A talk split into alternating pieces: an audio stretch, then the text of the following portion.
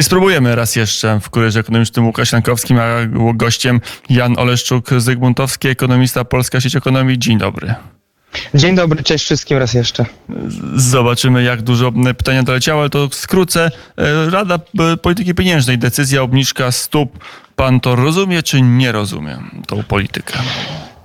Rozumiem e, w, e, na oba możliwe sposoby, jeden dobry, drugi zły.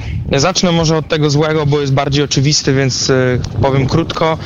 Obniżka jednak o 75 punktów bazowych w, na miesiąc przed wyborami, no jest takim czytelnym sygnałem, tak, że bank centralny jest po jakby pro, prowadzenie polityki monetarnej jest podyktowane czynnikami politycznymi.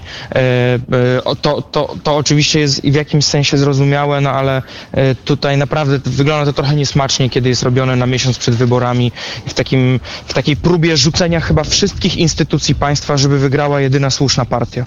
E, w tym sensie rozumiem dobrze, że e, tak jak od początku polska sieć ekonomii mówiła, przekonywała i udowodniła wielokrotnie danymi i po prostu faktami, ta inflacja ma charakter przede wszystkim podażowy, tak, biorący się z cen energii, z importu tych nośników energii zatorów y, pokowidowych i ona w związku z tym y, nie może być zmniejszana przy pomocy stopy procentowej, bo problemem nie jest specjalnie y, rozgrzana i rozbuchana konsumpcja krajowa, tylko ten problem po stronie podażowej, więc to na stronę podażową trzeba odpowiedzieć.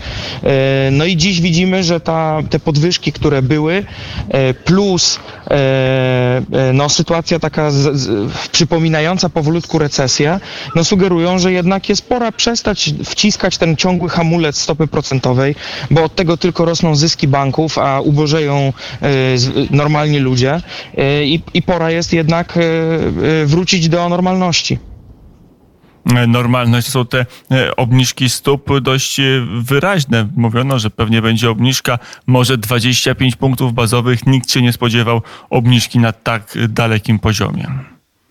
No i trochę to mam na myśli, że ja też obstawiałem, szczerze mówiąc, 25 punktów bazowych. E, gdzieś może analitykom się jakieś 50 e, e, wymskiwało. Mm, zrozummy też, że właśnie w, w, sytuacji makroekonomicznej, gdzie po stronie kosztów producenckich, tak, PMI, czyli tam, gdzie nam się te podażowe problemy dwa lata temu zaczęły, bo najpierw PMI rosło, tak, czyli to były właśnie problemy w dostawach y, podzespołów, chipów komputerowych, części, tak, surowców i, i, i to PMI eksplodowało i pokazało nam, że, że chodzi o stronę podażową. No dziś po stronie y, tej inflacji producenckiej mamy właściwie deflację, a więc już minęły te wszystkie problemy. E, wiele krajów, w tym Polska, zdywersyfikowało swoje e, źródła energii. Tak? Myślę tu o przestawianiu się przede wszystkim z Rosji na, e, na Stany Zjednoczone i sojuszników bliskowschodnich.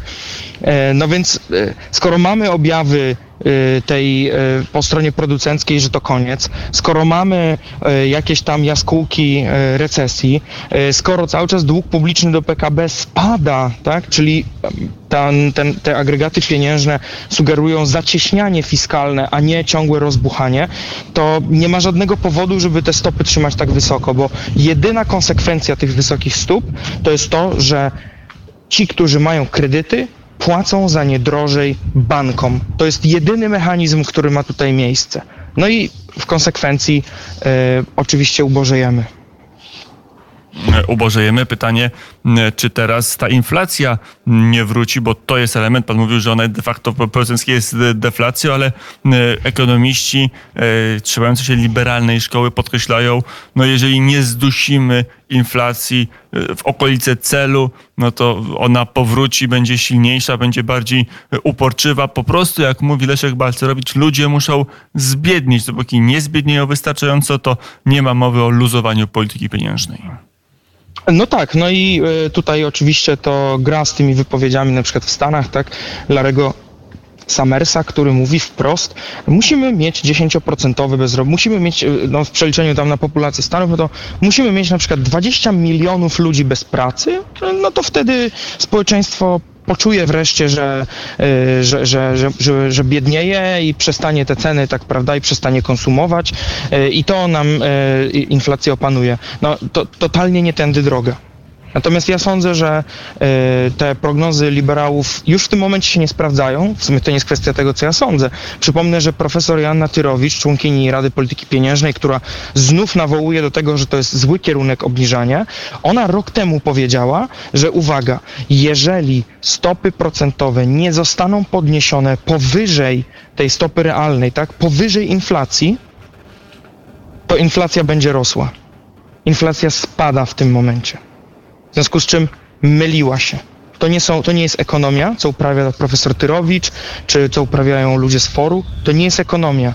To jest lobbying. Lobbying na rzecz konkretnych interesów. Bo tak jak mówiłem, rekordowe w tym roku zyski banków. Naprawdę, jeżeli one prawdopodobnie sięgną 30 miliardów złotych, nigdy w historii tego kraju tak wiele nie przynieśliśmy w zębach bankom. W jaki sposób oddawanie naszych pieniędzy ciężko zarobionych e, przez firmy, tak, bo to kredyty obrotowe czy inwestycyjne, czy przez kredyty hipoteczne, w jaki sposób przynoszenie więcej pieniędzy bankom ma obniżyć inflację? No tylko jeżeli uznajemy, że całkowicie zbiedniejemy i załamie się gospodarka. No cóż, inflacja wtedy spadnie, ale razem z nią cały poziom życia. Mm, I tak to e, będzie wyglądać tak, że spadnie, czy wzrośnie bezrobocie, spadnie e, zatrudnienie, no bo to jest też element tego typu walki e, z inflacją, ale to mi nie ma nic bez ceny. Ceną, którą trzeba zapłacić jest kurs złotego. Jak pan patrzy na, na tą aprecjację wobec złotego euro i franka szwajcarskiego, to jest już niebezpieczny proces? Nie, moim zdaniem, jeśli spojrzymy, w, oczywiście to nie jest dobre i w tym sensie właśnie ta y, wyborcza obniżka o 75 punktów, coś czego rynek nie oczekiwał, nie oczekiwali analitycy, nawet osoby, które wiedzą, że to jest słuszny kierunek, nie oczekiwały, że nagle będzie aż taka obniżka, tak szybko, y, no to ja myślę, że to jest dyskontowane, to znaczy utrata niezależności banku centralnego, który w przypadku NBP-u no ewidentnie gra na partię i gra na wybory. No coś takiego nie może budzić zaufania do waluty. I to moim zdaniem jest kluczowy, kluczowy czynnik, a nie stwierdzanie, że każda kolejna obniżka doprowadzi do y, y, upadku złotego. Bo już dzisiaj, w poniedziałek, y, widzimy, że na kursach walut są korekty i złoty znowu troszeczkę się umacnia. I o to chodzi. To chwilowe rozchwianie moim zdaniem nie będzie utrzymane w długim terminie, tylko zadbajmy o to właśnie, żeby ludzie mieli pracę, żebyśmy nie wydawali wszystkiego na po prostu rozkręcone marże i na zyski banków i korporacji, a wtedy złotówka sama się wybroni. I e, zwracajmy uwagę nie tylko ciągle na te na te nominalne, prawda, różne agregaty, na, e, na te liczby, które są w oderwaniu od sytuacji gospodarczej i społecznej. Jeśli mamy sytuację, w której mamy bardzo niskie inwestycje, firmy boją się inwestować, czują się niepewnie, to na pewno, to też mówię sam jako przedsiębiorca, tak jako spółdzielca, mnie na pewno jeszcze droższy kredyt nigdy do żadnej inwestycji nie zachęci. To nie ma sensu po prostu. A z drugiej strony mm, te pieniądze tak mm, do, trafiają koniec końców do, do banków. Naszym gościem Jan Oleszczuk-Zygmuntowski. Zastanawiam się, na ile jeszcze można w kontekście i inflacji, i polityki Rady Polityki Pieniężnej e, ocenić sobotnie konwencje dwóch największych partii politycznych, na ile jest tak, że tam znalazły się rozwiązania na stabilny, długofalowy rozwój Polski. No, y, tutaj y, y, moim zdaniem bardzo ciekawe jest, że ostatecznie panuje pewna ponadpartyjna zgoda co do pewnych, co do pewnych elementów, szczególnie po stronie, jeśli chodzi o finanse publiczne PiSu i Platformy, bo oczywiście, kiedy trzeba publicznie, wzajemnie się oskarżają, prawda, że stan finansów państwa jest zły albo jest doskonały, no a Platforma przedstawiła plan dokładnie identyczny, to znaczy Izabela Leszczyna, która uchodzi za za osobę od ekonomii w Platformie, sama powiedziała, że będą emitować obligacje antyinflacyjne. Czym są obligacje? Długiem publicznym, a więc będą zwiększać dług publiczny i mają w planach wprowadzenie kolejnych wydatków socjalnych i inwestycje w infrastrukturę, więc paradoksalnie widzę, że ten, e, e, ten racjonalny oczywiście kurs, tak, zwiększania długu, bo polski jest niski i cały czas spadkowy na inwestycje, no ten kurs jest utrzymany, a więc te wszystkie spory o stan finansów państwa są trochę taką grą pod publiczkę, bo ostatecznie e, każdy, kto rozumie ekonomię, wie, jaki jest ten potrzebny kurs. No i też ciekawe jest na pewno jakaś dyskusja o usługach publicznych, prawda? Na przykład to, że lewica mówi, że, e, że właśnie w kontekście całej tej inflacji niezbędne są podwyżki dla budżetówki i to jest prawda, bo nauczyciele, pielęgniarki, urzędnicy, oni e, w, e, mieli rok po roku mieli podwyżki mniejsze niż inflacja. Czyli co to znaczy? No, że tak naprawdę odbierano im pensje oni ubożeli. Więc ciekawe jest dla mnie to, jak e, tu rzeczywiście i koalicja obywatelska, lewica e, zgadzają się co do tego, że ten błąd PiSu e, ubożenia społeczeństwa trzeba naprawić i po prostu drastycznie zacząć podnosić. Moim zdaniem te 20% podwyżek to nie są te ambicje. 20% to jest inflacja, którą myśmy prawie mieli. Więc takie podwyżki to będzie tylko rekompensata utraconego wynagrodzenia. My powinniśmy mówić o czymś dużo, dużo większym. Nauczyciele to są ludzie, którzy nasze dzieci, naszą przyszłość Polski przygotowują do y, po prostu na, na jakieś lepsze jutro. Jak my nie będziemy właśnie nie wydawać, tylko inwestować w edukację i w zdrowie, to tutaj nie będzie po co tego całego PKB wypracowywać, bo nikogo tu nie będzie. A z drugiej strony jest pytanie o, o budżet, o czym pan wspomniał. Koalicja Obywatelska często mm, mówi, że przyszłoroczny budżet jest w zasadzie budżetem, który idzie w kierunku bankructwa, że mm, deficyt zapisany jest bardzo duży. Do tego jeszcze doliczają e, deficyt PFR-u czy, czy BGK-u. Na ile jest tak, że przyszłoroczny budżet no, nie pozwala na e, większe wydatki e, z kasy państwowej? Znaczy, po pierwsze, jeśli jest jakiekolwiek twarde ograniczenie, to jest y, wpisany przez lobbystów do konstytucji zapis o limicie długu publicznego. Jest on kreśle i to już wielokrotnie zostało pokazane twardą po prostu nauką ekonomiczną. Y, zostało udowodnione jako bezsensowny. Ten limit jest wyciągnięty z palca.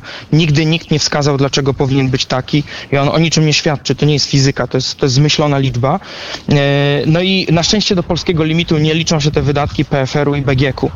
W związku z czym e, tego, my do tego polskiego limitu, który żeśmy sobie sami głupio narzucili, no my do niego nie dojdziemy, więc tego ryzyka w moim odczuciu w ogóle nie ma. E, a nawet jak spojrzymy na pełne ujęcie, tak, które raportujemy do Eurostatu, więc nie ma żadnego ukrytego długu. Jest tylko polski i europejski sposób liczenia, ale oba są jawne. I ten drugi sugeruje też, że mamy bardzo niskie poziomy, ledwo przekraczające tam 50%, nawet na ten przyszły rok, wliczające je, przekraczające 50% PKB, tak, relacja długu publicznego do PKB. No to dalej jesteśmy w dole stawki europejskiej, a nie w górze. I dzisiaj, jeśli o kimś się mówi, że jest tak zwanym chorym człowiekiem Europy, to o Niemczech. A dlaczego? Bo właśnie Niemcy nie chcą zwiększyć swojego długu publicznego i nie chcą zacząć wydawać na rzeczy, które są niezbędne. Na swoją transformację energetyczną, której nie zrobili dobrze i na y, swoją utratę powolną konkurencyjności, która ciągnie niestety cały blok gospodarczy w dół, w tym nas. Więc jeśli Niemcy sobie narzucają tego typu ograniczenie, to pytanie brzmi, czy my chcemy razem z nimi sobie je narzucić i skazać całą Europę, w tym nas samych, na niebyt, bo spokojnie, Stany, Chiny, Indie, potęga teraz gospodarcza, oni sobie ten świat podzielą, a my będziemy skansenem. Czy jednak mówimy, dobra, wydajemy dużo więcej, stać nas na to, bo tu nie chodzi o pieniądze, tu chodzi o zasoby, fizyczne zasoby, które mamy i z tych zasobów budujemy podwaliny no, do takiej poważnej transformacji kraju, do zerwania z tym starym modelem rozwojowym, tak? Tanie państwo, niskie koszty, e, niskie płace i przechodzimy na poziom no, gospodarki naprawdę opartej o wiedzę. Już na koniec e, proszę o komentarz do e, dzisiejszych danych, jakie opublikowała Komisja Europejska. PKB dla Polski zrewidowane do pół punkta procentowego z 0,7, ale też ale utrzymane prognozy na rok przyszły na poziomie 2,7% wzrostu PKB. Natomiast chodzi o inflację, to ona na poziomie w tym roku ma być 11,4, a w przyszłym Komisja oczekuje, że wyniesie 6,1%. Co te dane mówią? Mówią, że faktycznie inflacja inflacja przestaje być kłopotem, a, a powinniśmy myśleć trochę o, o kondycji naszej gospodarki. Tak, no na pewno pokazują, że y, to nie jakieś niesamowite rozgrzanie gospodarki, tak, bo ten wynik sugeruje, no, przepraszam, ale pół procenta to jest po prostu stagnacja, tak, to jest stagnacja, to nie jest, to nie jest wzrost, to ciężko tak to nazwać, więc y, mamy do czynienia z sytuacją już stagnacyjną, być może nawet chylącą się do recesji. Te prognozy na przyszły rok to na razie w tak zmiennym środowisku odłóżmy między bajki. Mamy sytuację stagnacyjną z widokami na recesję, dosyć wysoką inflację. E, Ewidentnie nie jest problemem jakaś rozbuchana konsumpcja, tylko no, ktoś te ceny podwyższa, tak? I my ten mechanizm spirali marżowej, tego jak korporacje nakręcają cenę, tego jak my z tymi stopami procentowymi również robimy te zyski banków, no pokazywaliśmy go wielokrotnie. Moim zdaniem pora jest zacząć tego słuchać. I tu nie mówię tylko o obniżkach stopy procentowej, bo to jest łatwe, to jest jedna wajcha i każdemu się wydaje, że nie może sterować całą gospodarką. To niestety tak nie działa. Trzeba zacząć dobierać się już konkretnie do takich rynków, gdzie y, przez te 8 lat rządów PiSu pozwoliliśmy na rozbuchanie monopolii, oligopolii, gdzie e, mieliśmy chronić małe sklepy, a małe sklepy zostały zdewastowane, 20 tysięcy wyparowało przez te, e, przez te 8 lat. W tym samym czasie, kiedy rosły Biedronki, Żabki i inne tego typu sieci, no i to one ustalają ceny, więc nie rozwiążemy tej inflacji, nie zejdziemy poniżej 11,6, cały czas jesteśmy poza celem, nie wyjdziemy, nie zejdziemy do tego celu, jak nie zaczniemy stosować narzędzi, które są adekwatne do tego wyzwania, a tym wyzwaniem jest podaż i tym wyzwaniem jest brak konkurencji na rynkach. I o tym mówił w kurierze ekonomicznym Jan Oleszczuk-Zygmuntowski, ekonomista, e, współprzewodniczący Polskiej Sieci Ekonomii. Dziękuję bardzo za rozmowę. Dzięki serdeczne.